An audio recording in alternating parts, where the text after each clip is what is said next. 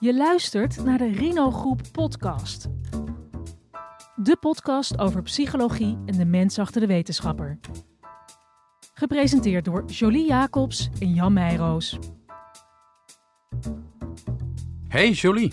Hey Jan. Ja, en ook welkom bij ons aan de tafel klinisch psycholoog en psychotherapeut Tony Staring. Goedemorgen. Goedemorgen. Nou, vandaag eh, gaan we het hebben over psychoses en psychosezorg. Veel mensen uit het vak zullen je herkennen omdat je opkwam voor een man die last had van psychoses, daar niet de juiste zorg voor kreeg en even kort door de bocht een zaak had aangespannen jegens discriminatie bij het College voor de Rechten van de Mens. Naast al je werkzaamheden, zoals je werk bij Altrecht, waar je met jongvolwassenen werkt met psychose of psychosegevoeligheid, werk je ook als bestuurslid.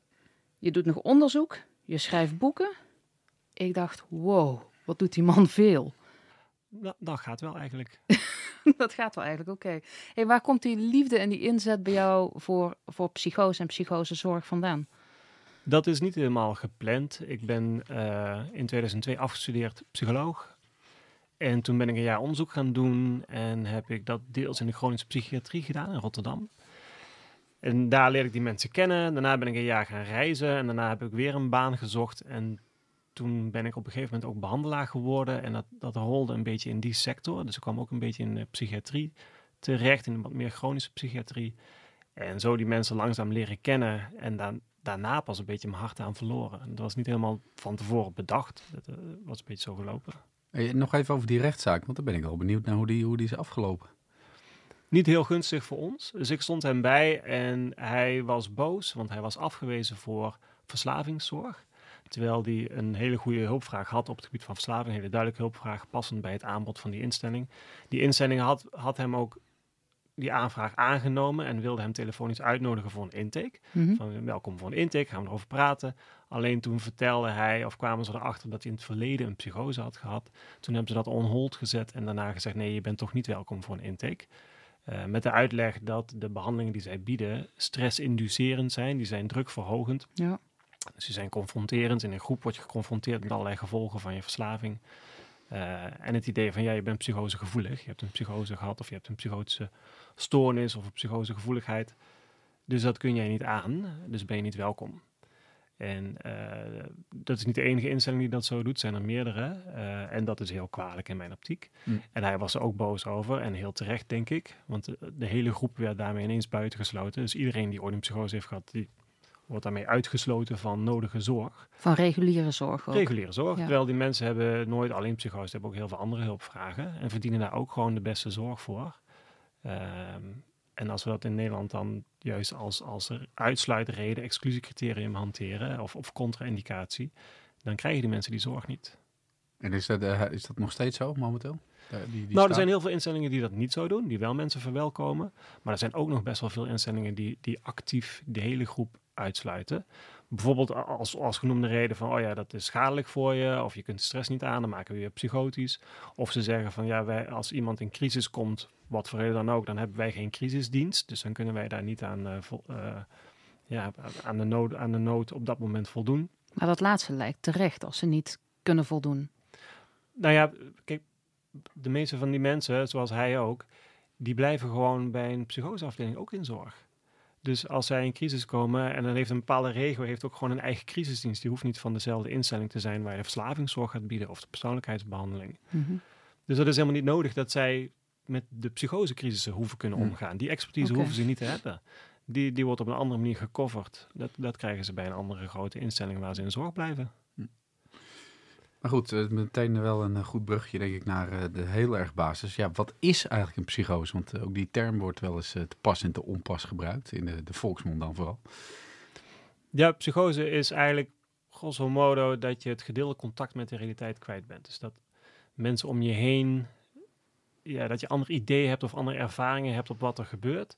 En dat mensen om je heen dat niet meer helemaal kunnen volgen of het niet met je eens zijn, dat je daar alleen in komt te staan. Dus het is best wel een eenzame ervaring, psychose. Uh, en het kan zijn dat je je zintuigen je wat voor de gek houden, dat je dingen waarneemt, dingen hoort, ziet, voelt, ruikt, uh, wat dan ook, die, die andere mensen niet waarnemen. Kun je een uh, voorbeeld geven uit jouw praktijk? Ja, stemmen horen komt het meeste voor. Dus dan horen mensen geregeld, als het om psychose gaat, negatieve stemmen. Maar je kunt ook positieve dingen horen. Mhm. Maar dan horen ze negatieve dingen. Ze worden uitgescholden of ze krijgen opdrachten om zichzelf pijn te doen. Dat is heel naar, zeker als je dat dag in dag uit hoort. En andere mensen horen die stemmen niet, maar zij horen het echt. We moeten niet aan twijfelen. Dus dat komt heel veel voor, maar ook hele sterke ideeën dat mensen denken van, nou ja, er is iets aan de hand, of mensen zijn met me bezig, uh, mensen zijn ofwel met mijn gedachten bezig, of mensen hebben het allemaal over mij, achter mijn rug om. Uh, dus hele sterke ideeën over wat er aan de hand is en dat niet los kunnen laten. Maar ook echt dat, je, dat ze bijvoorbeeld dingen zien die er gewoon echt niet zijn, maar voor hun, die mensen wel. Ja, kijk, en er zijn allerlei milde varianten van. Een goed voorbeeld denk ik is een... Um, dus, dus psychoseachtige ervaringen kennen we eigenlijk bijna allemaal wel. En zo'n bijzondere ervaring zelf is niet meteen een psychotische stoornis. Dus daar ben je niet meteen onderuit. Maar de type ervaringen zijn eigenlijk heel normaal. Zo'n 60% van de vrouwen die net bevallen is, hallucineert daarna. Dus dat is, dat is de meerderheid. De meerderheid heeft daarna kleine hallucinaties. Mijn Waar vrouw gaat het dan hoorde om? bijvoorbeeld de Ja. deurbel gaan. En dan, dan moest ik de deur open gaan doen. Dus Er is echt niemand bij de deur hoor. Maar ik moest toch naar beneden de deur open gaan doen. Hm. En dan was dan niemand. Of je hoort je kind huilen. Of je ziet je kind in de vouwen van de lakens in het bed. Of, eh, terwijl je daarna echt heel goed kan vaststellen. Nee, dat kind heeft echt niet gehuild. Want het ligt echt heel lief te slapen. Of aan. Dus dat soort hallucinaties komen, komen heel veel voor in die context. Ehm, maar iets anders wat heel veel voorkomt bij het in slaap vallen bij het ontwaken, hallucineren mensen heel veel of hebben ze kleine vreemde ervaringen. Ik heb zelf bij het in slaap vallen wel eens dat, dat net als ik bijna in slaap val, dat dan mijn been zo'n schok geeft of Ja. aan mijn voet zo en dan word ik weer een beetje wakker en denk ik, eh, ik was net zo lekker in slaap aan het vallen. Maar ik had een meisje bij mij in behandeling, die had eigenlijk begon het bij haar met dezelfde ervaring als die ik had. Dus zij lag in slaap te vallen in haar bed en dan gaf ineens haar voet of haar been zo'n soort van spiertrekking, zo'n zo'n stuiptrekje. En ehm, dezelfde ervaring die ik had, maar zij had een hele andere geschiedenis dan ik. Dus zij was opgevoed met het idee, je moet een beetje oppassen op kwade djinn. Eh djinn, dat zijn een soort eh, eh, geestachtige wezens. Je hebt goede en kwade. Maar dat hele wereld is ook heel normaal om daarover te denken of in te geloven als je moslim bent. Dus dat nam zij mee. Verder is zij door, was zij door haar neef seksueel misbruikt een aantal keer op haar eigen slaapkamer. Dat was nu al jaren geleden. Daar had ze niet meer zo heel veel last van, maar dat nam ze ook mee. En zij was misschien in de aanleg ook wel wat angstgevoelig. Er was wel iemand die snel zorgen maakte over dingen en snel van dingen schrok en zo. Nou, met, met die context maakt zij eigenlijk hetzelfde mee als ik. Dus zij ligt in bed en haar been trekt ineens. Mhm. Het eerste wat zij denkt is, een gin trekt aan mijn teen. Ah. Dat dacht zij. Er zit een gin aan mijn teen te trekken. En omdat zij, zij zat ook in precies dezelfde plek waar zij dat seksueel misbruik had meegemaakt. Ook die associatie kwam in haar op. Die gin wil mij verkrachten. Dat is natuurlijk een heel beangstigend idee. Dus als je op die manier betekenis geeft aan wat je meemaakt, ga je op die manier er ook mee om. Dus wat zij deed was, ik ga, niet, ja, ik ga nu niet slapen, want dat, dan loop ik gevaar. Dus ze hield de lamp aan, zij probeerde niet te slapen, probeerde wakker te blijven. Ze raakte er even gigantisch over vermoeid. Nou, daar raakte ze van over vermoeid. Om vervolgens wel weer in slaap te kunnen vallen en die angsten te stoppen en rustiger te worden, gingen ze blowen. Want dat had ze eerder wel eens gemerkt, daar word ik rustig van, dan kan ik Mhm. lekker slapen. Dus dat gingen ze meer doen. En dan kon ze wel beter in slaap vallen. Maar dat blowen en ook de slapeloosheid daarvoor, al die dingen ontregelen nog iets meer haar waarneming. Dus zij krijgt wat meerdere vreemde percepties. eh, eh, en de betekenis geven vanuit seksueel trauma wordt sterker. Ze begint echt te denken, oh, ook wat herbelevingen kwamen erbij. Ze ervoer wat dingen van, de- van het seksueel misbruik van toen weer opnieuw. Waarvan zij niet dacht, oh, dat is een herinnering die geactiveerd wordt. Maar zij dacht, die gin zit nu in mij. Die zit in mij en die verkracht mij nu. En nou ja, dus allerlei manieren zag ze of ervoer ze die gin. Dat werd steeds erger en zij werd steeds angstiger. En raakte helemaal psychotisch ontregeld. Ziet zij het voor zich? Of is het dan echt een angst? Of is het dan... Zij had geen visuele hallucinaties. Ja? Maar op een gegeven moment had ze wel herbelevingen van het misbruik, waarbij ze dingen voelde. Dus zij had wel tactiele hallucinaties, zoals Ja. ze dat noemen. Maar dat waren een soort van herbelevingen, maar zij interpreteerde dat niet als een herbeleving. Oké. Zij dacht, dat gebeurt nu. Een gin is mij nu Ja. aan het bezitten. Eh, ik raak bezeten van een gin en die doet dingen met mijn lijf. Ehm, en dan had ze dus ook de betekenisgeving bij, ja, over zo'n een of andere kwade geest die haar bezit. En dan, dat zou je dan op een gegeven moment een waan kunnen noemen. Als je, Ja. als je denkt, ja, dat, dat gaat te ver of dat, daar raakt ze helemaal mee gepreoccupeerd. Haar naasten deelden dit idee niet. Hè. Die hadden natuurlijk, die volgen dat niet. En, en ze hadden ook niet mensen geïnformeerd op dat eerste moment, maar pas veel later kwam dat een beetje erbij. En toen was ze al zo ontregeld. Ja, dan, dan begrijpen de anderen niet precies wat ze meer meemaakt. En als ik even teruggrijp, want je had het net ook over stemmen horen.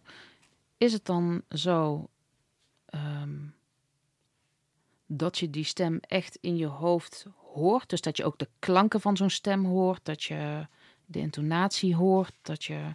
Ja, de mensen, kijk, stem Hetzelfde als dat wij nu met elkaar praten? stem horen is geen alles of niks fenomeen. Je hebt eh, allerlei gradaties van stemmen horen. Als je goed doorvraagt, dan blijken de meeste mensen, als ze zeggen ik hoor stemmen praten of ik hoor dingen tegen mij gezegd worden, dat ze het niet precies zo horen zoals wij nu elkaar horen. Maar dat ze nog ergens een onderscheid merken van nee, dit klinkt net weer anders. Of sommige mensen horen hun eigen gedachten ineens hardop. Ja. Eh, wat anders is dan hun normale gedachten. Ze merken wel een verschil. Ja. Maar ze gaan ook niet omkijken van wie praat er tegen mij. En daar zitten allerlei dingen tussenin. En dat kan ook door de tijd heen opschuiven. Dus ook stemmen horen en op die manier hallucineren of waarnemingen hebben die, die, die andere mensen niet hebben. Ja, dat heeft allerlei gradaties. En, en soms beleef je dat als een mentaal fenomeen, maar soms klinkt het zo plotseling en zo hard op dat je denkt, nou, volgens mij is het iemand anders die tegen mij spreekt. Ja. Eh, dus dan ga je er ook over nadenken. Niet alleen dus de fenomenologie van de ervaring, de perceptuele kwaliteit, maar je gaat ook nadenken over wie of wat is dat dat tegen mij spreekt. En dan kun je concluderen, nou, volgens mij is het toch een onderdeel van mijn eigen psyche. ja.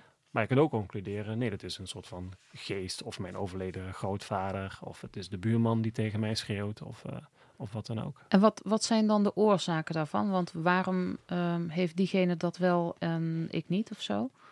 Nou, in het voorbeeld wat ik net noemde, zie je eigenlijk al iets van drie of vier risicofactoren Ja. voor psychotisch worden. Eén is je, je, je aanleg. Ja. Eh, dus mensen kunnen erfelijk, erfelijk een of andere aanleg hebben, waardoor ze gevoeliger zijn voor, eigenlijk voor psychiatrie in het algemeen.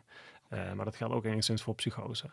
En, ehm, maar qua, qua genen, er zijn een heel aantal genvarianten gevonden die daaraan bijdragen of een stukje van die puzzel leggen. Eh, maar er is nog nooit een gen gevonden wat je noodzakelijk moet hebben om psychotisch Ja, te ja. worden. Het is allemaal meer gradueel. Het is een kleine extra risicofactor als je bepaalde genvarianten hebt. Ehm, migrant zijn, eh, dus tweede generatie migranten hebben een groter risico om een of andere manier om psychotisch te worden. Dat is een risicofactor. Trauma's meemaken, zoals ook dat meisje wat ik net noemde. Mhm. Blowen is een risicofactor om psychotisch te worden. Dus, eh, Maar ook drugs in zijn algemeen of niet? ja, maar blowen het meest. Blow het Ja, meest. oh. is dat het meest berucht om. Eh, waarom dat precies is, daar is wel heel veel kennis over, maar ik heb, weet het niet allemaal uit mijn hoofd. Mhm, Maar er gebeurt van alles met blowen, zeker als je jong begint en veel bloot. Dus mhm. begin je voor je 15, eh, rook je echt veel. Dan heb je ongeveer vier keer zo'n grote kans om als volwassene eh, psychotisch te ontregelen. En dan heb je de amfetamines, dus dingen zoals eh, cocaïne, die kunnen je flink psychotisch maken. En de andere middelen vallen wel mee. Ja, die hebben niet zo'n super groot risico om je psychotisch te doen ontregelen. Je noemde net eh, een oorzaak tweede eh, generatie migranten. Waarom juist, waarom juist zij? Nou, de, de eerste generatie migranten hebben ook een vergroot risico op de psychotische ontregeling. Dus het niet alleen maar de tweede generatie. En er zijn ook verschillen tussen subgroepen. Maar het is wel vooral die tweede generatie. En er zijn verschillende verklaringen voor overwogen. Dus we weten niet helemaal zeker. Maar de verklaring waar het meest in lijkt te zitten... is dat zij, ehm, als ze buiten de boot vallen... bij beide culturen of bij verschillende groepen...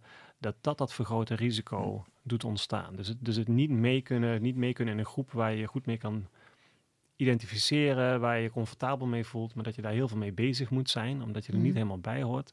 Daarin zit iets wat mensen waarschijnlijk psychosegevoeliger maakt.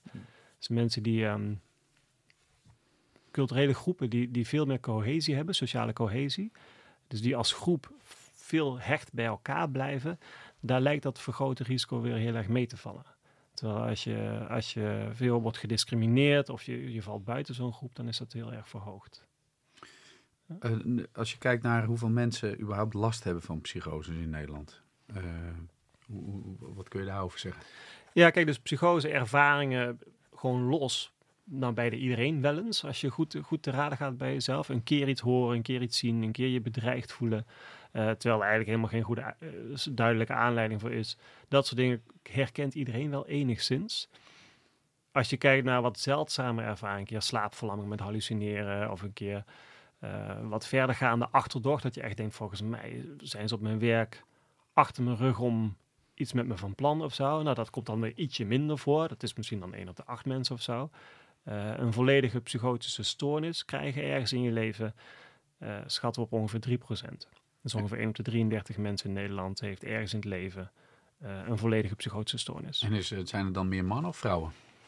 Iets meer mannen dan vrouwen. Heeft dat ook een reden? Ik weet het niet zo goed. Kijk, het lijkt erop dat vrouwen meer hallucineren dan mannen op bevolkingsniveau. Ehm, en, maar dat mannen, als ze dat soort dingen meemaken, misschien sneller dysfunctioneren of zo. Dat mannen het gewoon wat Mhm. minder goed kunnen hebben. Dat zou wel eens kunnen. Dus dat vrouwen wat meer doorgaan, voor de kinderen blijven zorgen en werken. En mannen misschien wat sneller met de pootjes omhoog gaan. maar dat is misschien wat gechargeerd gezegd. Dat weet ik niet helemaal zeker of we dat Er zo zijn mensen die hier nu sowieso algemene conclusies aan verbinden over, over het man zijn. of de vrouwen gewoon het zo sterker fijn dat is- jij dat zegt en niet ik. De man flu, ook zoiets. Ja, vrouwen lijken het wel wat beter te doen ook als ze psychische klachten hebben in hoe ze reageren en, en, en gebruik maken van behandeling. Dus er zit misschien wel iets in, maar ik weet niet Ja. zeker of dat de verklaring is. Er kunnen ook hormonale dingen zijn. Je ziet dat, dat oestrogeen bijvoorbeeld lijkt beschermend tegen psychose te zijn. Dus als, dat is een van de biologische factoren waardoor je kans iets verkleint. En je ziet dan in de menopauze, als oestrogeen afneemt, dat vrouwen weer een extra incidentiepiekje hebben Hm. over dat ze voor het eerst een psychose kunnen krijgen. Hoe vaak komt het dan voor? Heb je het dan over hè, 1 op de 33, zeg je dan? Zijn dat mensen die daar een keer last van krijgen? Of zijn dat mensen die daar vaker... Ja, last voor de mensen hebben. die een, die een psychotische stoornis krijgen, daar geldt eigenlijk voor dat dat, dat, of- dat het meestal niet zo'n hele goede prognose heeft. Ehm, maar er is zeker een substantiële groep waarbij het bij één keer blijft.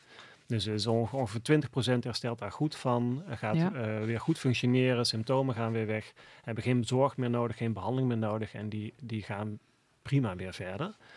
Eh, Dus je maar- kunt genezen. ja, zeker. Ja. Ja. hoor, je kunt ervan genezen.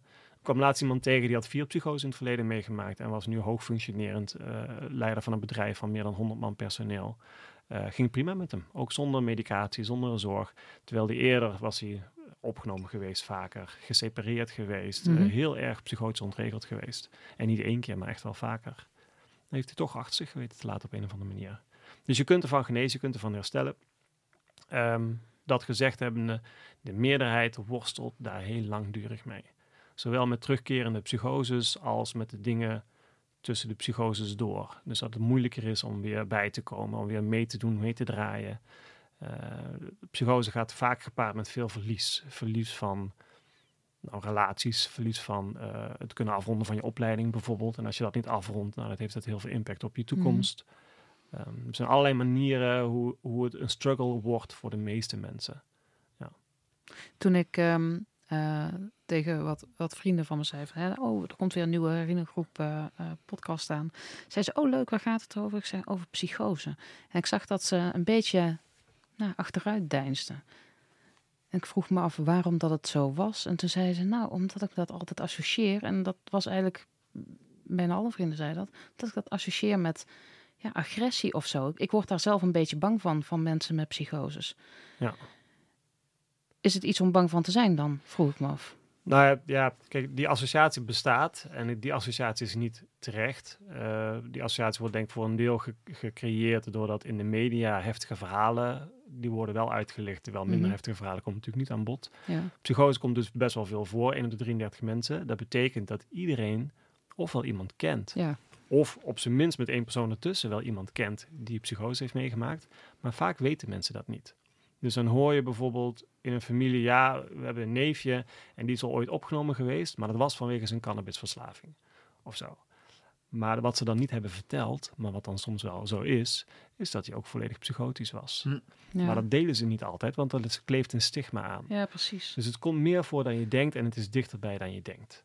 Eh, de meeste mensen met een psychose zijn niet agressief. Ze kunnen wel, en dat, is, dat herken ik ook wel heel erg, is dat je denkt, als je weinig met psychose hebt gewerkt, of je hebt weinig contact met Mhm. een naaste met psychose, dat het, omdat ze een ander idee hebben over wat er aan de hand is, dat je het niet heel goed kan voorspellen. En de onvoorspelbaarheid Ja. vinden mensen ook vaak eng, want dan weet je niet wat je kan verwachten. En het kan het wel zijn, en het komt ook echt voor, eh, en mensen met psychose kunnen ook geladen zijn als ze zich bedreigd voelen. Dus dat ze echt wel, wel boos doen. Maar het is nog steeds, nou, het is verreweg de minderheid die overgaat tot agressieve daden naar anderen toe. Ik heb zelf nooit, ik ben nooit eh, fysiek eh, eh, agressief bejegend door iemand met psychose. En ik heb heel veel mensen met psychose gesproken de afgelopen twintig jaar. Wil niet zeggen dat het niet gebeurt, maar die dingen gebeuren. Maar wat veel meer gebeurt, is dat mensen met psychose slachtoffer zijn van andermans geweld. Ze zijn veel, veel vaker slachtoffer. Waarom? En om- ze zijn heel kwetsbaar. Deels zijn ze maakt slachtofferschap ze kwetsbaarder om psychose te krijgen. Ja. Dus trauma's meemaken, zeker in je jeugd en zo, Ja. vergroot je kans misschien wel met een factor 3 om later psychotisch te worden. Maar dan zit je nog steeds in allerlei relaties misschien, of in allerlei kwetsbare posities die samenhangen met dat je getraumatiseerd bent of nog steeds wordt. Ehm, maar mensen maken ook misbruik van onze zwakke medemens. Op allerlei manieren worden ze sneller beroofd, worden ze sneller weer slachtoffer opnieuw van seksueel trauma of van diefstal of wat dan ook. Ehm, dus het, het kwetsbare mensen die worden eerder slachtoffer van geweld dan dader. Wij begonnen net ehm, eh, de aflevering met dat jij iemand bij hebt gestaan die ehm, een zaak had aangespannen. En jij zei ook van, nou ja, goed, diegene die heeft niet de zorg gekregen die hij eigenlijk nodig had. En is dat dan ehm, een geval eh, wat op zichzelf staat? Nee, zeg jij dan, want het komt veel vaker voor. Maar waar ligt dat dan aan? Ja, er zijn een aantal verschillende dingen. Eén is dat de, je hebt de psychosezorg zelf. Ja, Daar zit een groot eh, gat in dat we niet voldoende goede psychosezorg bieden voor mensen met psychose. Dat is één ding. Eh, wat in deze zaak zo was, is dat deze persoon dus behandeling zocht voor verslaving, dus voor andere problemen Ja. dan psychose. En dat is een tweede ding. oké. En het heeft verschillende oorzaken. Die twee op- problemen hebben allebei andere oorzaken en andere oplossingen, denk ik. Eh, maar dat tweede probleem, dus dat mensen hulp zoeken voor iets anders, waar ze ook last van hebben. Mhm. Wat heel normaal is, want, want psychose komt eigenlijk bijna nooit alleen. Ja. Eh, die mensen hebben ook eh, ofwel persoonlijkheidsproblematiek of een posttraumatische stressstoornis. Een dwangstoornis, een eetstoornis, een verslaving, een depressie, al die dingen. En sommige van die problemen kan een psychoseafdeling goed behandelen. Mhm. Dus die hebben dan PTSS-expertise in huis om de mensen met ook een psychose en een PTSS traumatherapie te geven. Eh, andere dingen hebben ze vaak niet in huis, zoals goede verslavingszorg of eh, langdurige persoonlijkheidstherapie, dat soort dingen. Als je dat allemaal goed in huis moet hebben, dat is niet te doen voor psychoseafdelingen. Dus daar moeten ze voor verwijzen. Dan moeten ze met die hulpvraag, als iemand dat heeft, en het is een goed moment om dat te gaan behandelen, zijn ze afhankelijk van andere afdelingen of andere instellingen. Dus dan moeten ze doorverwijzen en dan vraag je dus aan een andere instelling, ja, wilt u dit behandelen bij deze patiënt? Wij blijven eventueel betrokken, eh, want hij is ook psychosegevoelig en het kan terugkeren of zo. En dan zijn er best wel veel instellingen die zeggen, nou, dat willen wij wel proberen. Maar er zijn ook heel veel instellingen die hebben gewoon op hun website staan, nee, niet welkom. En Waar zijn die andere niet welkom hulpverleners dan bang voor? Ik denk, ja, dat is een beetje invullen. Maar wat ik hoor is dat ze, eh, en dat zijn hele oprechte intenties, denk ik, dat ze de patiënt niet schade willen doen. Dat ze iemand niet willen doen ontregelen met hun zorg. Dat ze denken, ja, we hebben best wel een confronterende therapie. Of je moet in een groep en dat is zwaar, denken wij. Of we gaan je met trauma's confronteren en dat is zwaar. Exposure is zwaar. Eh, eh, ja, dat ze bang zijn dat ze daarmee bij iemand die daar gevoelig voor is, een psychose triggeren. En maar dat- goed, wa- wat zeggen de, de, de hulpverlenende organisaties die juist die hulp wel aanbieden? Als daar positieve resultaten uit voortvloeien, dan kunnen, kan je dat daar tegenover zetten, toch? Ja, dus er staat heel veel tegenover. Kijk, de, de zorgstandaard in Nederland die zegt... eh, voor alle comorbiditeit moet je eh, het reguliere instrumentarium voor diagnostiek en behandeling gewoon gebruiken van die andere zorgstandaard. Dus mensen met psychose hebben recht ook op zorg voor een persoonlijkheidspathologie of een eh, PTSS of een dwangstoornis. Maar er zijn natuurlijk wel ervaringen, en, en dat is best lastig voor mensen in de praktijk, ervaringen dat mensen ontregelen. Eh, dus wat, wat, over PTSS weten we inmiddels wat meer, maar vroeger was een beetje de richtlijn, ja, mensen met een psychotische stoornis moet je niet te veel naar trauma's vragen en niet meer gaan confronteren of behandelen. Eh, terwijl men het af en toe wel probeerde. Maar bij dat proberen zullen ze wel eens hebben meegemaakt dat iemand tijdens zo'n therapie psychotisch ontregelt. Mhm. En dan kan het zijn dat het met de therapie te maken heeft, maar kan ook van niet. Dat weet je niet heel goed bij, eh, bij één enkele cliënt. Maar die ervaring, die hakt er wel in bij de hulpverleners. Dus als je dat een keer meemaakt, dan onthoud je dat, dan beklijft dat. Ja, en dan denk je nog ja, wel twee keer na. eh. Dat komt misschien door die therapie, dus dat ga ik voortaan zien als een reden om niet die therapie aan die Ja. mensen te geven. Maar zeg jij dan eigenlijk, dit klopt niet, je zou, die, je zou het juist wel moeten geven? Is dat wat jij dan zegt? Ja, wat, kijk, wat er misgaat in deze vorm van... Het is wel begrijpelijk, maar het is niet waar. Dat, dus wat er misgaat, is dat je baseert op één cliënt. En wat je niet ziet, is hoe die cliënt was gegaan als je geen PTSS-therapie had Ja, gegeven. ja uiteraard. Ja. En, en het enige waar we het mee moeten doen bij indicatie en contra-indicatie zijn kansinschattingen. En die kansinschattingen, daar heb je groepsdata voor nodig om die een beetje te kunnen maken. En de groepsdata, die er nu inmiddels wel zijn bij PTSS-therapie, bij mensen met psychosegevoeligheid, die wijzen erop dat ja, tijdens een PTSS-behandeling is een bepaald percentage wat kan ontregelen. Of al een toename van klachten krijgt, of misschien een keertje suicidaal wordt, of eh, terugval in drugsgebruik, of een heropname voor de psychose. Maar kijk je naar de groep die de PTSS-therapie niet ontvangt en je volgt die een, eenzelfde lange tijd, zie je dat het daar meer voorkomt. Ze hebben nog vaker dan de groep die wel Ja. therapie krijgt, een terugval in psychose of een toename van klachten of een terugval in middelengebruik. Dus die dingen komen gewoon voor bij die groep. Bied je therapie, dan wordt de kans kleiner. Maar is Dat dan, is dat gewoon, gewoon een, eh, een gebrek aan kennis? Of Ja. dat mensen die... Ja, voor een deel wel. Ik denk dat de tij wel een beetje aan het keren is. Dus vroeger was het over PTSS, was, was psychose een contra-indicatie. Tegenwoordig is daar, zijn er echt wel goede data over die laten zien dat dat niet nodig is. Dat dat veilig is en effectief. Wat niet wil zeggen dat de mensen dus niet af en toe ontregelen. Dat gebeurt. Maar ja, dan heb, moet je maar een pauze inlassen. En daarna verder gaan. Of als iemand toch door kan gaan, ga je gewoon door terwijl hij ook psychotisch is. Dat kan bij sommige mensen ook. Dus daar hebben we veel over geleerd. Over andere problemen is er wat minder kennis over, maar begint de kennis ook wel toe te nemen. Hm. Je ziet dat ze ehm, groepstherapie, het idee dat ze dat niet aankunnen, daar is de laatste meetanalyse verschenen. Mhm. En daaruit blijkt dat mensen met een psychosegevoeligheid even vaak groepstherapie afmaken als mensen zonder. Over OCD-behandelingen zijn een aantal casussen gepubliceerd, waarbij reguliere zorg voor OCD, heel vaak is dat dwangafbouw, exposure en responspreventie, net zo goed werkt bij mensen met een psychosegevoeligheid daarbij. Terwijl oude theoretische ideeën zijn, ja, als je die dwanggedragingen afbouwt, neem je iemands controlemechanisme af en gaat Ja. juist ontregelen. Dus het idee van als je dit dus behandelt, maak je iemand zieker. Maar al die aanwijzingen die we hebben, ook op persoonlijkheidsvlak zijn er twee hele interessante papers van Nederlandse bodem. Ehm, al die aanwijzingen die we opgebouwd hebben, wijzen er telkens opnieuw op dat van behandeling voor de andere problemen mensen gemiddeld beter worden en niet zieker. Ja. Dus dat de kans, ja, dus als je het zo onthoudt, zijn ze gemiddeld zieker. Een van de dingen die mensen lijken te hebben als misvatting ook, is dat psychose betekent dat ze een kwetsbare persoonlijkheidsstructuur hebben. Dat, dat is niet zo. Eh, mensen hebben heel veel verschillende soorten persoonlijkheden en de ene is, kan veel meer hebben dan de ander. Dus, als groep hebben ze niet één soort persoonlijkheid of hebben ze één soort kwetsbaarheid. Er zit zoveel verschillen in, in de mensen die psychose hebben. Ehm, ze zeggen ook wel eens psychose is helemaal niet één begrip, maar het is eigenlijk heel heterogeen. Net zoals de neurose zou je kunnen zeggen. Heel veel verschillende aandoeningen, verschillende symptomen, verschillende kwetsbaarheden. En dat geldt ook voor mensen met psychose. Sommige psychose die ontstaan pas eh, bij een vrouw van 45, eh, een bepaalde waansoort, met hele andere risicofactoren hoe dat is ontstaan. Andere eh, dingen die ze als stresserend beleeft. En een grootheidswaan is bijvoorbeeld typisch iets van jonge mannen van een jaar of 22 of 25. Dus het zijn eigenlijk weer hele andere aandoeningen met andere triggers en, en andere etiologie. Je ziet dan ook dat stressoren voor iemand om weer psychotisch te worden erg uiteen kunnen lopen. Voor één persoon is heel veel sociaal contact een stressor. Voor een andere, dat kan ook dezelfde persoon zijn hoor, maar voor, voor iemand anders geldt misschien juist isolement Mhm. als stressor. Daar wordt iemand weer psychotisch van. En bij een andere is dat geconfronteerd worden met je trauma's. En bij weer een andere is dat juist drugs gaan gebruiken, wat een trigger is voor je psychose. En weer bij een andere is dat naar festivals gaan en slapeloosheid eh, eh, daarbij. Dus de, de, de, de dingen die stressvol zijn voor personen, is ook niet voor de hele groep gelijk. Hm. Ja. Dus nadenken van, oh, groepstherapie is te stresserend, dus dat kun je niet aan, want je bent stressgevoelig. Dat is veel te algemeen. Het zijn allemaal verschillende type klachten en gevoeligheden en andere stressoren, verschillende persoonlijkheden. Eh, dus ze verdienen in die zin zorg op maat. En, en de hele groep als één homogene groep neerzetten, Is een waar je dan ideeën over hebt van, oh, die kunnen dit niet aan of kunnen dat. Dat is echt een hele grote misvatting. Hm. En in mijn optiek dus ook, is dat, is dat een soort vorm van discriminatie.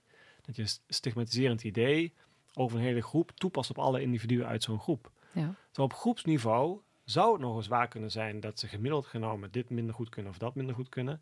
Maar dat wil dan helemaal niet zeggen dat het voor alle individuen geldt. Stel iemand komt in, in een eh, psychose terecht en is bij een hulpverlener. Hoe kan diegene dan toch contact behouden met diegene die die, die psychose krijgt op dat moment? Met de meeste mensen die, die psychotisch worden of in een bepaalde gradatie psychotisch worden, kun je gewoon praten. Dus doe dat vooral.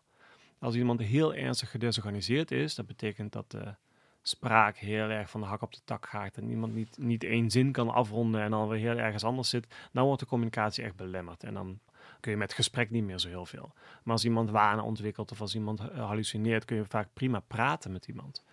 Ehm, Ga je daar dan in mee? Of ga je het ontkennen eh, wat er aan de hand is? Wat, wat, wat doe je dan? Nou ja, er zijn dus heel veel subklinische varianten van psychose. En dan zijn mensen nog niet 100% overtuigd van hun waanideeën. Op dat moment staan mensen ook vaak heel erg open voor alternatieve manieren om naar te kijken. Of misschien wel uh, psychologische kennis over wat er aan het gebeuren is. Dus dat moet je even aftasten van hoe, hoe overtuigd is iemand? En hoe ver zit hij in het waansysteem? Of hoe ver uh, ja, gaat dat nog wel? En daar pas je dan een beetje op aan.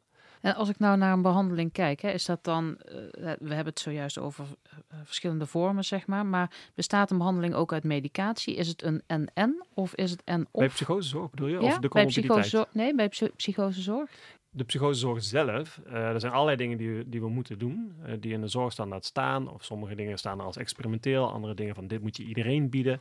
En een paar dingen die iedereen zou moeten bieden, dat is ehm, antipsychotica. Ja. Dus er staat ongeveer op nummer 1 van nee, dat is iets wat je moet bieden als mensen in een psychose zitten. In ieder geval psychose in engere zin. En uh, cognitieve gedragstherapie voor psychose. Uh, familieinterventies, uh, gericht op de, degene met psychose en de naaste. Um, psycho-educatie moet iedereen geven. en dan zijn er nog een aantal dingen omheen. Dus, dus kijk, mensen met psychose, vaak staat hun leven wel op de kop. Dus hulp bij ja, je leven weer terugkrijgen, weer je werk weer terugkeren. Of je probeert alsnog je opleiding af te maken, je sociale contacten herstellen. Daar verdienen mensen hulp bij. Uh, somatische zorg is vaak nodig bij mensen met psychose. Waar moet ik dan aan denken? Nou, het geldt niet voor iedereen, maar voor veel mensen wel. Deels dat de medicatiebijwerkingen. Ja. Dat doet van alles met je. Daar kun je bijvoorbeeld uh, uh, veel dikker van worden. Of het doet wat met um, uh, met je libido. Uh, en daar moet je oog voor hebben, kijken of we daar iets mee kunnen doen, dat verminderen of de impact daarvan verminderen. Mm -hmm. leefstijlkwesties. Um, dus je ziet dat als groep mensen met psychose minder vaak werken, ongezonder eten, vaker roken. Dat zijn allemaal dingen die um, ja, voor hun gezondheid niet goed zijn, maar ook voor hun mentale welzijn niet goed, heel ja. goed uitpakken. Verslaving speelt dan een rol, dat zou je ook deels als, er zitten ook allerlei somatische kanten aan. Ja. Nou, dat soort dingen bijvoorbeeld. Jij werkt bij, um, bij Altrecht hè, met jongvolwassenen. Is dat ook de leeftijd waarop het voor het eerst voorkomt? Een eerste, een eerste psychose? Ja, wij werken van 16 tot 26. Maar de meeste psychose, volledige psychose, is na je 18e. Dus ergens tussen je 20ste en je 30ste, of 20 en 25, ja. zie je dat de meeste mensen die een volledige psychose krijgen, krijgen hem daar ergens. En, en waarom Jongen kan dan? ook. Het kan ook zijn dat iemand van 15 volledig psychotisch wordt, maar het is zeldzamer. Ja. En waarom juist die leeftijd? Omdat er veel veranderingen zijn of zo in je leven op, op dat moment? Ja, er lijkt op. Er zijn deels wat biologische ontwikkelingsfactoren die een rol kunnen spelen. Dingen met um, uh, verdere uitrijping van je brein. Mm Mhm. -hmm. Maar ook sociaal, maatschappelijk gebeurt er van alles. Je gaat op jezelf, je gaat studeren. Misschien in het studeren dat je je hele nachtritme om wordt gekeerd. Of dat kan een kwetsbaarheid triggeren. Um, en dat kan dan gaan samenspelen, net zoals in het voorbeeld wat ik net noemde, met allerlei Ja. andere risicofactoren. Dus als je ook al trauma hebt meegemaakt, of, um, um, ja, of, of je hebt ook nog een erfelijke belasting, al die dingen stapelen zich misschien wel op. Valt het in die leeftijd al te voorkomen? Ja, ja. Ja, we zijn best wel goed in het voorkomen van psychose, gek genoeg. Of althans, ik weet niet of het voor jullie gek genoeg, maar ik was er zelf heel verbaasd Ja. over toen ik dat voor het eerst hoorde. Uh, ik geloofde het in het begin helemaal niet. er was een Engelsman die kwam vertellen over de preventiestudie. Die kwam, uh, was uitgenodigd door Mark van der Gaag en die kwam in Nederland een workshop geven en ik zat erbij. En hij concludeerde met, ja, we hebben dus voor, voor deze mensen met een risicoprofiel, hebben we 40% van hun kans af weten te halen om psychotisch te worden in de komende anderhalf jaar. Ja, dat is behoorlijk fors. En ik dacht, echt, echt waar? En toen ben ik dat gaan lezen, ben ik me gaan verdiepen, maar het is echt waar. Ja. Dus waar we nu staan, dat staat ook inmiddels al lang in de Nederlandse richtlijnen dat we dat moeten doen. Want het is de afgelopen twintig jaar heel veel studie naar geweest wereldwijd. Is dat we, het is een stadieringmodel, net zoals in de kankerzorg. Uh, hebben ze toegepast op psychose en hebben ze voorstadia omschreven. Ja. Uh, waarbij mensen nog nooit een psychose hebben gehad. Maar wel uh, een sterk vergroot risicoprofiel hebben. En dat risicoprofiel, zoals we het hanteren, bestaat uit vier pijlers eigenlijk. Eén is iemand is van een bepaalde leeftijd, mm -hmm. tussen de 15 en de 35. Een tweede is iemand uh, heeft een hulpvraag in de GGZ, dus het gaat psychisch gezien al wat minder goed. Ja. Een derde is dat die persoon uh, het functioneren achteruit aan het gaan is in de actualiteit. Dus het moet niet helemaal goed gaan op werk of op school Ja. of sociaal of uh, zelfzorg. En een vierde is dat er subklinisch al symptomen zijn. En die subklinische symptomen, die komen dus eigenlijk best wel veel voor, los in de bevolking. Maar als het dus samen gaat met die leeftijdsgroep en de GGZ-hulpvraag en je functioneren Ja. gaat achteruit, dan noemen ze dat het risicoprofiel. Kun je Een wat, een eh, verhoogde kans dus, ja. En de mensen die dat hebben, die hebben zo'n 20 tot 30 procent kans, 20 tot 25 procent kans om in de komende twee jaar, twee jaar, drie jaar, volledig psychotisch te worden. en wat zijn eh, wat van die subklinische symptomen dan? Ehm, dezelfde symptomen als psychose, alleen dan milder. Dus die dingen zitten echt op een dimensie. Dus af en toe een stem horen. eh, dus laag frequent bijvoorbeeld, of niet heel duidelijk. Of eh, andere vervormingen of ervaringen op je zintuigen. Maar het kan ook gaan om bepaalde ideeën die zich aan je opdringen. Dus dat je inderdaad wat achterdochtiger wordt. Achterdocht als losse ervaring komt eigenlijk heel veel voor. Maar hoe kom je daarachter, vraag ik me af. Want eh, stel, eh, nou ja goed, Utrecht, waar wij nu zijn en, en waar Altrecht natuurlijk ook zit, ehm, bestaat eh, grotendeels, wil ik al bijna zeggen, dat is natuurlijk niet zo, maar er zijn heel erg veel studenten, allemaal dus ook in die leeftijdsgroep. Ja. hoe kom je erachter dat student A er wel last van kan hebben en student B die daar loopt eh, er geen last van zal hebben? Hoe, hoe ga jij hierachter komen? Nou, kijk, de meeste mensen die voor het eerst psychotisch worden, die zitten al in de GGZ. Dat is, dat is een van de dingen, dat is een beetje vreemd. Nee, nee, maar ter preventie. Ter preventie, ter pre- maar dan ontwikkelen ze hun eerste psychose terwijl ze al in de GGZ zitten. Oké, Dus ter preventie kun je aan de voordeur van de GGZ screenen en dan zou je het grootste deel moeten kunnen vinden. Als ze op die manier langzaam psychotisch worden. De, de- ik denk dat dat iets meer dan de helft is ongeveer, die in de GGZ zit en dan psychotisch wordt. Zo'n 60% Die andere 40% vind je dus niet op die manier. En we weten nog niet goed hoe we dat moeten doen. ja. Screenen bij huisartsen gaat te ver. Ja. Dan ga je te veel vals positieve genereren, zoals het heet. En dan, Ja. dan past je model niet. En dan doe je misschien meer schade dan dat je goed doet. Eh, we zijn nu een, oefening, een, een, een onderzoek aan het doen met eh, de Hogeschool Utrecht. Waarbij de studentenpsychologen daar ook screenen.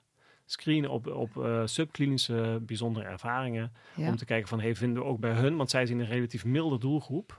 Maar wel mensen dus met een hulpvraag, anders kom je daar niet terecht. Of de studie gaat niet lekker of zo. Ehm, en dan zitten we, zijn we aan het experimenteren of dat zinvol is of niet. Maar dat weten we nog niet. Maar in de GGZ of de specialisten GGZ, Ja. screenen aan de voordeur, daarvan, dat is goed gevalideerd. Dat werkt. En daar vind je een heel groot aantal. En je doet ook onderzoek naar exposure therapie door middel van eh, VR, virtual reality. Ja. Kun je daar Ja. wat meer over vertellen? Ja, eh, onderzoek valt wel mee. We hebben dit als reguliere zorg geïmplementeerd bij Altrecht. Eh, op basis van andermans onderzoek. eh, deels een onderzoek waar ik zelf ook aan had meegewerkt. Dat is alweer een tijdje terug. We doen wel mee met nieuwe studies en zo. Maar het is ook reguliere zorg eigenlijk al. Wat we beschikbaar willen maken voor mensen met psychose. En dat is mede gebaseerd op een hele succesvolle gerandomiseerde trial. waar ik zelf het therapieprotocol van had meegeschreven. Maar verder geen grote rol heb gehad. Ehm, maar daarin bleek dat mensen met paranoia, mensen met heel veel onveiligheidsgevoelens in publieke ruimtes en tussen veel mensen, het heel goed deden op virtual reality exposure therapie. En dat is wel interessant. Kijk, in die VR, dan, dan ga je dus in een virtuele omgeving, ga je die mensen blootstellen aan rondlopen op straat en eh, rondlopen in de supermarkt of in een bus zitten en alle interacties meemaken met onbekende mensen. ja. Ehm, en dat, dat triggert mensen met achterdocht. Dat is al vaker gebleken van als je dat doet, ook al ziet het er nep uit. Althans, het ziet er niet zo echt uit als de echte wereld. Ja. Eh, het triggert mensen echt. Dus Je, lokt daarmee ze- dus ook een psychose uit.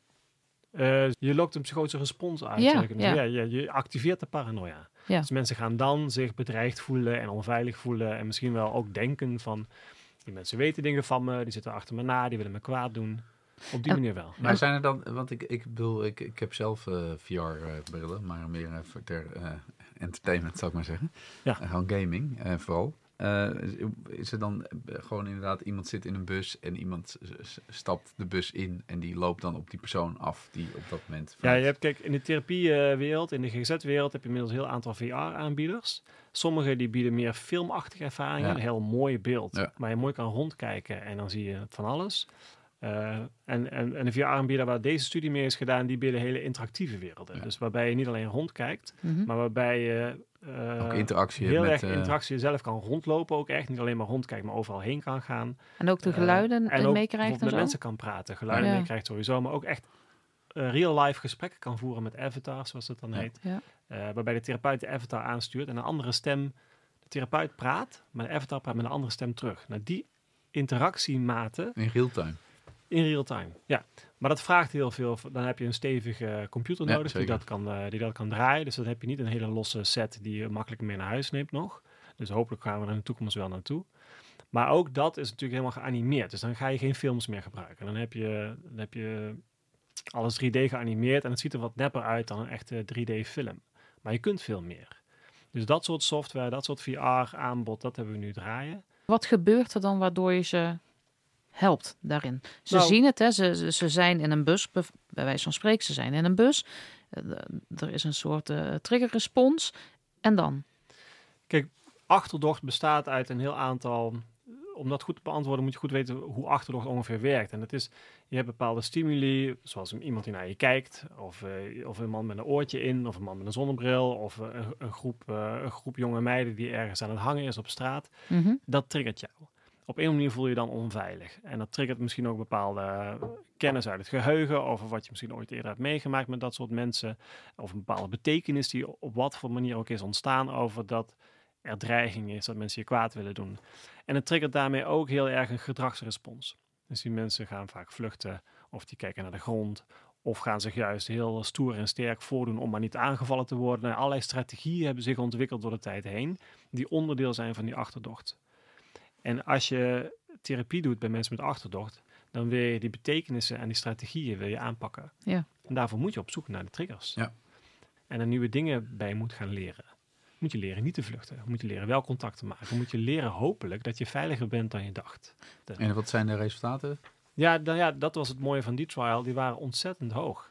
En dat heeft er mogelijk mee te maken met hoe ze gemeten hebben in die trial. Maar het kan ook te maken hebben dat die therapeuten, als je met virtual reality werkt, dan ehm, word je als therapeut gedwongen om exposure te doen iedere sessie. Ja. Je kunt niet maken met zo'n VR-set, die weet ik Nee. veel wat hoeveel geld kost, om die dan niet te gebruiken. Nee, en dan zit je in zo'n onderzoek, dan moet je hem echt iedere sessie gaan gebruiken.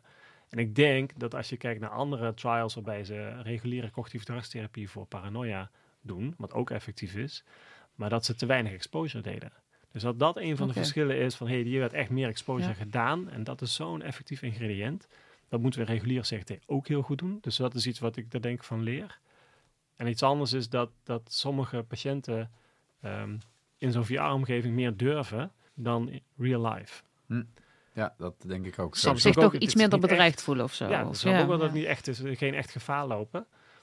Dus dan doen ze meer. Durven ze iets sneller hun veiligheidsgedrag los te laten, echt dingen aan te gaan, gesprekken Ja. aan te gaan, mensen aan te kijken. En ondanks dat ze heel goed weten dat het niet echt is, werkt het toch. Welk, welk onderzoek ontbreekt er nog waarvan jij eh, denkt, dat dit is echt, dit zou voor de toekomst zo'n enorme omslag kunnen betekenen? Voor de psychosezorg. Ja. Ja, heel veel. er is heel veel Wat is er op dit moment echt het hardste nodig? Nou, er gebeuren allerlei interessante dingen. En ook op, op, op domeinen waar ik zelf niet helemaal in thuis ben. Maar er gebeuren allerlei dingen ook met eh, maag, maag- en darmflora. En, en daar gezondheid in krijgen. En hoe dat zich verhoudt tot je me- mentale welzijn. Er zijn, dus daar heb ik best wel hoop op. Dat daar nieuwe dingen uitkomen. Er gebeurt nog te weinig, maar zou meer moeten gebeuren. Waarbij je psychose geïntegreerd behandelt met andere problemen. Want die problemen zijn niet helemaal gescheiden.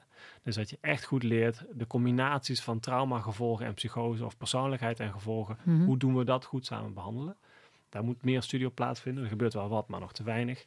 Een ander domein waarvan ik denk dat het in de praktijk heel hard nodig is, maar wat weinig wordt bestudeerd, is ehm, hoe je zo succesvol mogelijk antipsychotica afbouwt.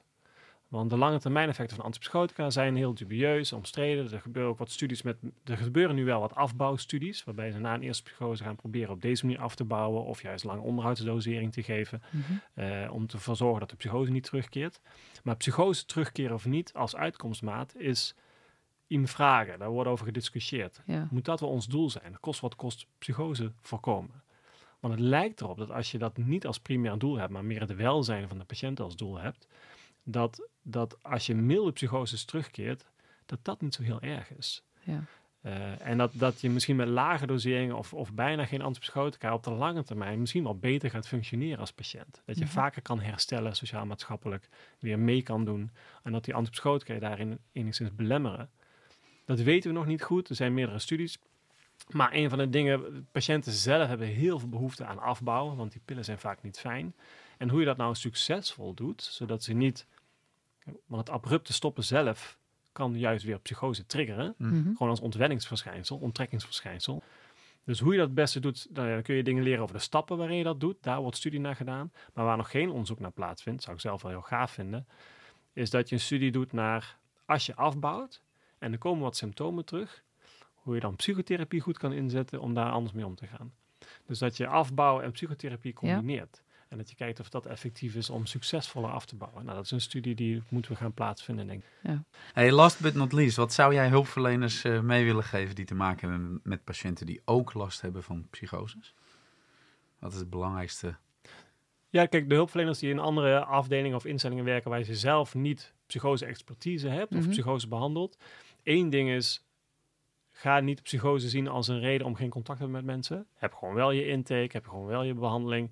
Deins niet terug van dat reguliere behandelingen niet zouden kunnen. Alles wat erop weten wijst erop dat reguliere behandelingen ook kunnen, mits de patiënt dat wil. Als iemand zegt, ik wil deze zorg, ik wil graag persoonlijkheidstherapie, ik wil in die groep of zo, ga ze niet als groep uitsluiten van zorg. Dat, dat is echt heel erg, vind ik. Dus dat is wat dat zou ik heel graag willen meegeven. En voor psychose symptomen, kijk, losse psychoseervaringen komen dus eigenlijk heel veel voor. Schrik daar ook niet te snel van. Uh, maar leer wel het kaf van het koren schrijven. Wanneer, wanneer wordt psychose zo ernstig dat het ook psychose-expertise behoeft. Uh, daarin zijn er heel veel teams in Nederland die met die, uh, met die preventie bezig zijn. Die zijn ook bezig met vroegdetectie, zoals dat heet. Dus die, die proberen er snel bij te zijn als mensen op het randje zitten. Misschien niet volledig psychotisch zijn, maar wel subklinisch wel psychose dingen. Dus overal waar je werkt in Nederland zou je die teams kunnen inschakelen, invliegen, om, een, om bij jouw cliënt mee te komen kijken. En ze heten EDI-teams. EDI staat voor Early Detection and Intervention. En ze zijn allemaal te vinden op hun website. Ze staan allemaal gecombineerd ergens op een kaartje op een website in Nederland van welke zit het dichtst in de buurt. Ja. Dan kun je postcode intypen en dan zie je welk team zit hier vlakbij. Hm. Nou, super waardevol, denk ja, ik. Ja, wat een handige tip. Goed, daarmee zijn we aan het einde gekomen van deze aflevering. Tony, dankjewel voor je komst en, uh, en voor je uitleg. Super fijn. Dit was de Rino Groep podcast over psychosezorg. De gast bij ons was klinisch psycholoog en psychotherapeut Tony Staring. Al onze afleveringen zijn online te vinden.